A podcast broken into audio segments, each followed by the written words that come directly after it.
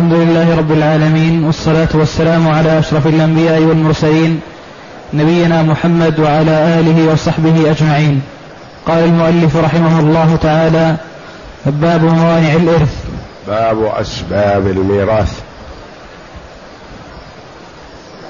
باب أسباب الميراث. وموانعه. كلها جميع.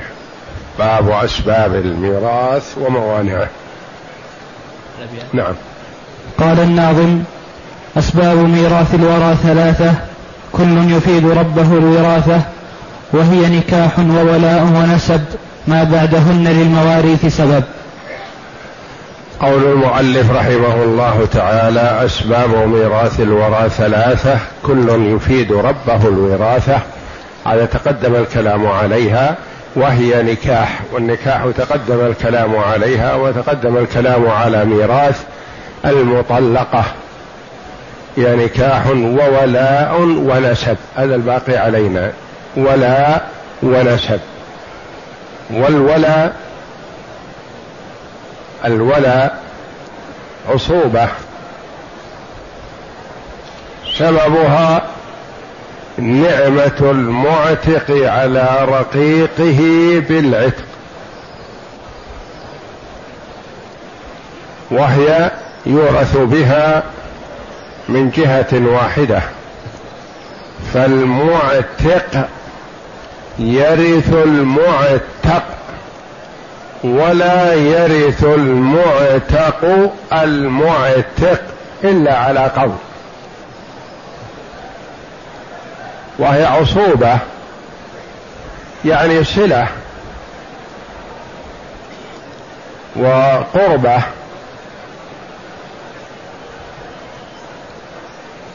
سببها نعمة المعتق على رقيقه بالعتق.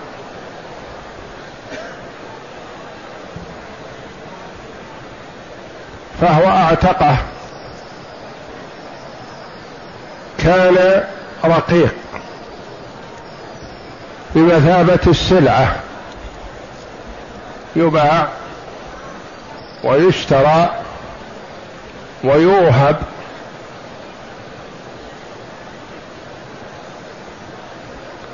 فبإعتاقه إياه كأنه جعله شيء له تصرف وله اختيار يأخذ ويعطي ويبيع ويشتري فهو سبب لوجوده. يعني كان له كان كالمعدوم فبالعتق صار موجود يتصرف كما يتصرف أي واحد من المسلمين. لكن حينما كان رقيق كان سلعة هو مسلم له ما للمسلمين وعليه ما على المسلمين من التكاليف الشرعية ويسقط عنه بعض التكاليف الشرعية لأجل الملك الذي في رقبته.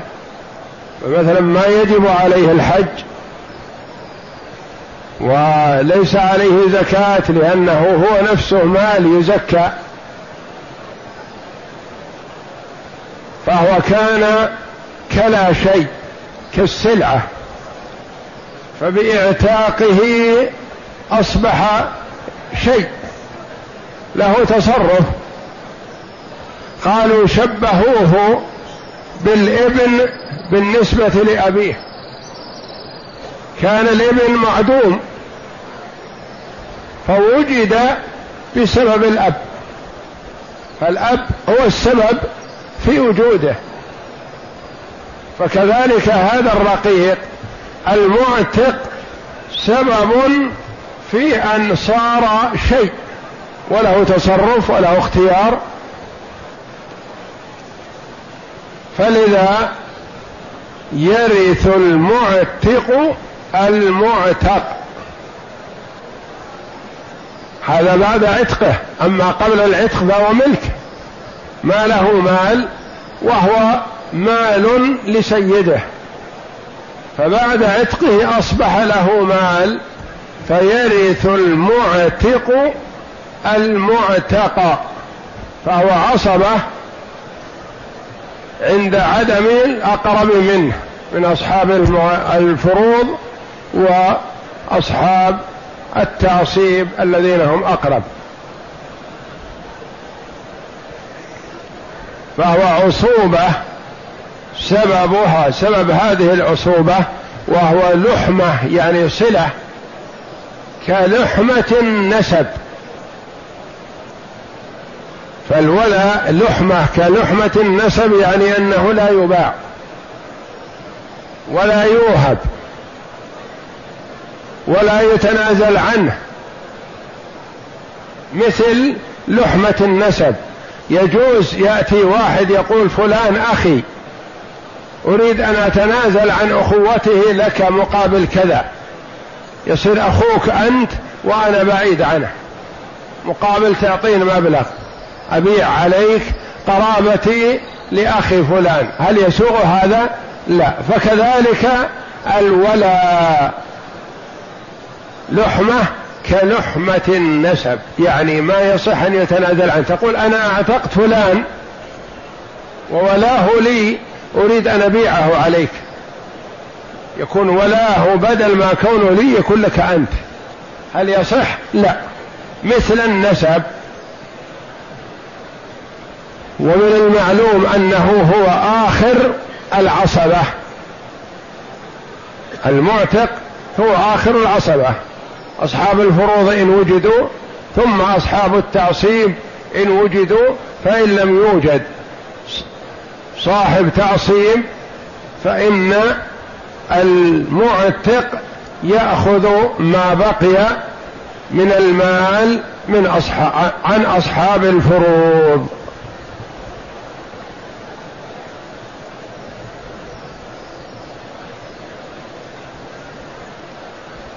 والمعتق يرث بنفسه.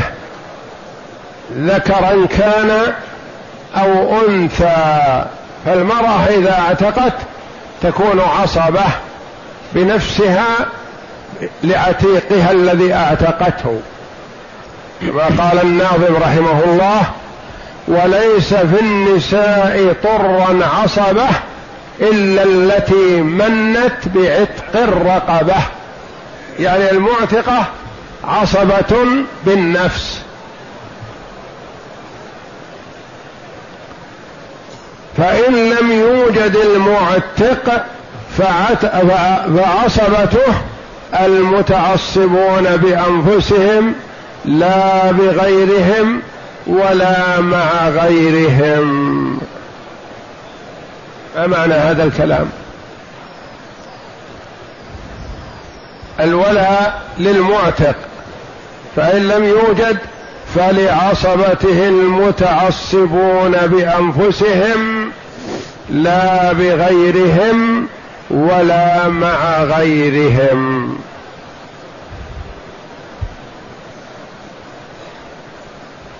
لا بغيرهم. مثلا زيد أعتق رقيق. هذا الرقيق ملك مال. وصار غني. مات زيد المعتق.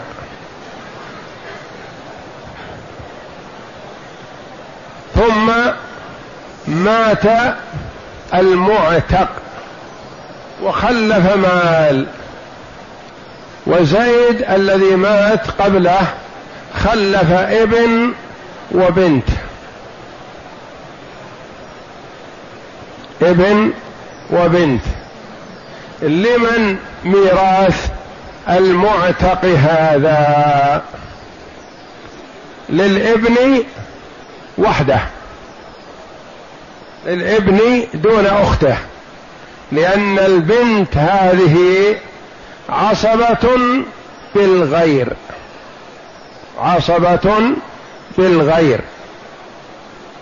فما ترث مع أخيها بالولاء؟ إلا إن كانت هي نفسها المعتقة. أما معتق أبوها ما ترث. يرثه أخوها فقط. زيد هلك عن بنت وابن ابن ابن ابن عم لأب. ثم مات عتيق زيد. من يرثه؟ الابن ابن العم لأب هذا دون البنت. لأن البنت صاحبة فرض في هذا المسألة. وابن ابن ابن العم البعيد هو صاحب التعصيب فهو يأخذ ميراث المعتق. مسألة أخرى. هلك زيد المعتق عن بنت وأخت شقيقة. المال لمن؟ مال زيد السيد. المال لبنته بنته لها النصف صاحبة فرض والباقي لأخته لأنها عصبة مع مع الغير. والأخوات إن تكن بنات فهن معهن معصبات. أخت زيد عصبة. مات المعتق ولم يكن له وارث إلا ورثت زيد. البنت قلنا صاحبة فرض ما لها. ما لها ميراث من من أعتقه أبوها لكن تأتي الأخت تقول أنا عصبة بالنسبة لزيد. أنا عصبة مع الغير. فأعطوني ميراث عتيقة نقول لا. ميراث العتيق لا يكون إلا للمعتق بنفسه أو عصبته المتعصبون بأنفسهم. أنت عصبة مع زيد لزيد لكن عصبة مع مع الغير. لست عصبة بنفسك. هلك زيد عن بنت واخت مثلا. وهلك الرقيق المعتق بعد عتقه. ما وجد إلا ابن ابن ابن عم لزيد من جد سابع من يأخذ المال؟ هذا ابن العم البعيد. وبنته ما تأخذ شيء. وأخته ما تأخذ شيء. لأن بنته صاحبة فرض ولأن أخته عصبة مع الغير. هي أخذت ميراث زيد لكن ما تأخذ ميراث المعتق.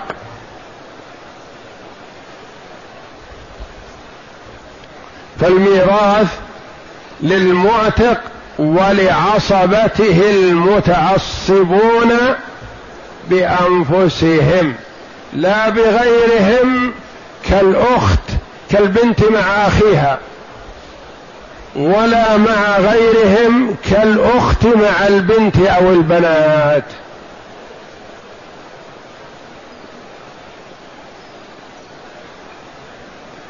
والنساء ما ترث من الأرقة إلا إن كانت أعتقته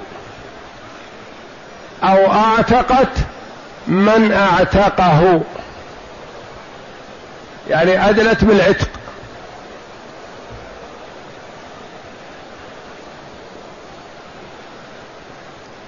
مسألة يقول هلك زيد.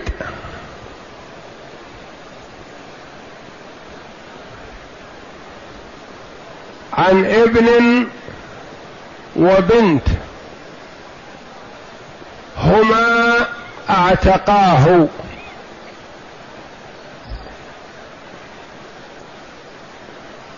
اعتق زيد ابنه وبنته. ثم زيد بعدما عتق ومن الله عليه بالمال أراد أن يعتق مقابل ما من الله عليه بالعتق أراد أن يعتق فاشترى رقيق واعتقه لوجه الله. مات زيد. وجد ابن زيد وبنته. جاء الابن والبنت يقولون مال هذا المعتق لنا.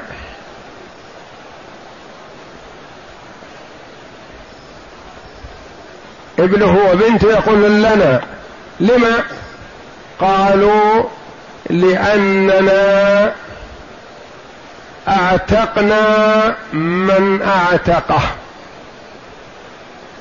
وأبناء أولاد من أعتقه. فنحن ندلي بجهتين. الإبن والبنت يقولون نريد ميراث العتيق هذا. ما صفتكم؟ نحن أبناء من أعتقه. ونحن أعتقنا من أعتقه. نقول صح.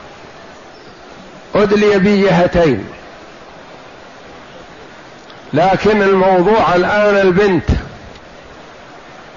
هل نعطيها أو نحرمها؟ الإبن يقول أي جهة نظرتم فيها تعطوني لأني ابن معتق ومعتق معتق. البنت تعرف إذا قالت أنا بنت معتق ما تأخذ شيء. بنت معتق معروف ما تأخذ شيء. قالت أنا معتقة معتق. أنا أعتقت أبي وابوي أعتقه. فانا أرث بالولاء. هل ترث بالولاء؟ نقول لا صح لو ما وجد غير إلا أنت يمكن. لو لم يوجد سواك صح. لكن وجد ابن معتق ومعتق معتق. أيهم أقرب؟ ابن معتق ومعتق معتق. ابن المعتق الابن هذا. يقول هذه الجهة الثانية لا أريده. معتق معتق اتركوها عني. ما أريده. أنا ابن معتق. تأتي البنت ما تستطيع. تقول أنا بنت معتق تعرف أن ما لها شيء. قالت أنا معتقة معتق. نقول ننظر للأقرب. أيهم أقرب؟ معتق معتق أو ابن معتق؟ لا شك ابن معتق أقرب. فيأخذ المال الابن دون أخته. وهذه من المسائل التي يعايى بها. فيقال ابن وأخته اعتقا أباهم وأعتق أبوهم رقيقا. فميراث رقيق معتق الأب لمن يكون للابن والبنت أم للابن فقط؟ نقول ننظر في الإدلاء. الابن يدلي بجهتين يقول أنا معتق معتق وأنا ابن معتق. والبنت تقول لا أنا معتقه معتق. فنقول ابن معتق أقرب من معتق معتق فيكون المال لابن المعتق دون بنته.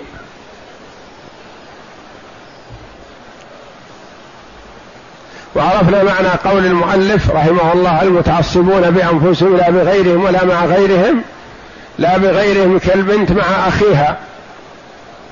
ولا مع غيرهم كالأخت مع مع البنت. لأن الأخت قد تأتينا تقول أعطيتوني عصبة زيت. أنا عصبة للسيد. ألا أكون عصبة للعتيق؟ نقول لا. أنت عصبة للسيد مع الغير مع بنته. لكن أنت وبنته كلكم لا نصيب لكم. لأنها هي بنت معتق وأنت أخت معتق ما لكم شيء. نبحث عن ابن ابن ابن ابن عم للسيد يأخذ المال لأنه عصبة بنفسه وإن كان بعيدا. هذا هو الولاء وهو يورث به من جهة فقط لأن التناسب والفضل جاء من جهة لأخرى. ما جاء تبادل. أخ مع أخيه. القرابة متبادلة. ابن مع أبيه. القرابة متبادلة. هذا يقول هذا أبوي والأب يقول هذا ولدي. لكن المعتق يقول أنا أرث عتيقي هذا لأني اعتقته. أنا جعلته شيء بعد أن لم يكن. جعلته يتملك ويعمل وينتج. وكان في الأول سلعة. المعتق له منة على المعتق. يقول أنا أرثه لكوني عملت معه كذا وكذا. نقول لا ما عمل معه شيء. على قول لبعض العلماء قالوا إذا لم يوجد صاحب فرض ولا صاحب تعصيب ولا ذوي الأرحام فإن المعتق يأخذ ميراث من أعتقه لأن فيه صلة بينهم. وكان بمثابة ابنه سابقا فهو أحق بميراثه ويستدلون بحديث وليس بالقوي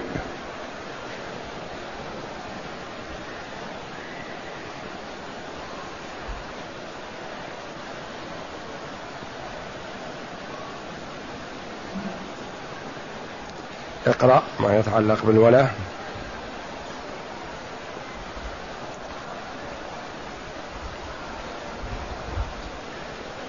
نعم.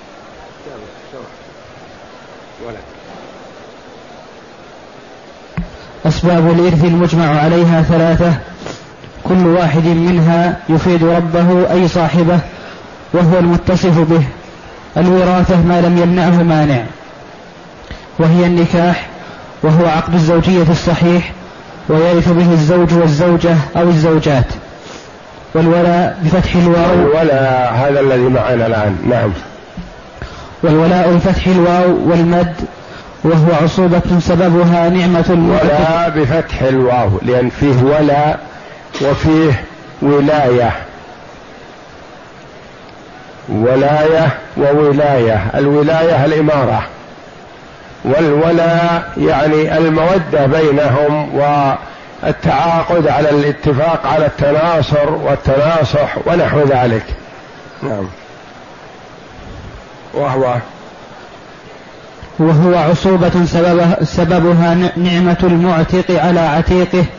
سببها نعمة المعتق على عتيقه.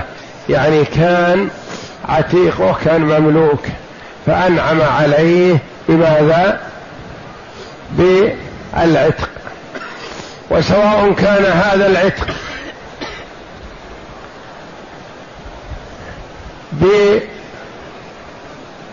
عن شيء واجب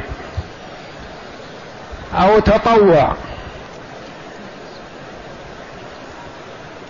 أو مكاتب بالكتابة مكاتب.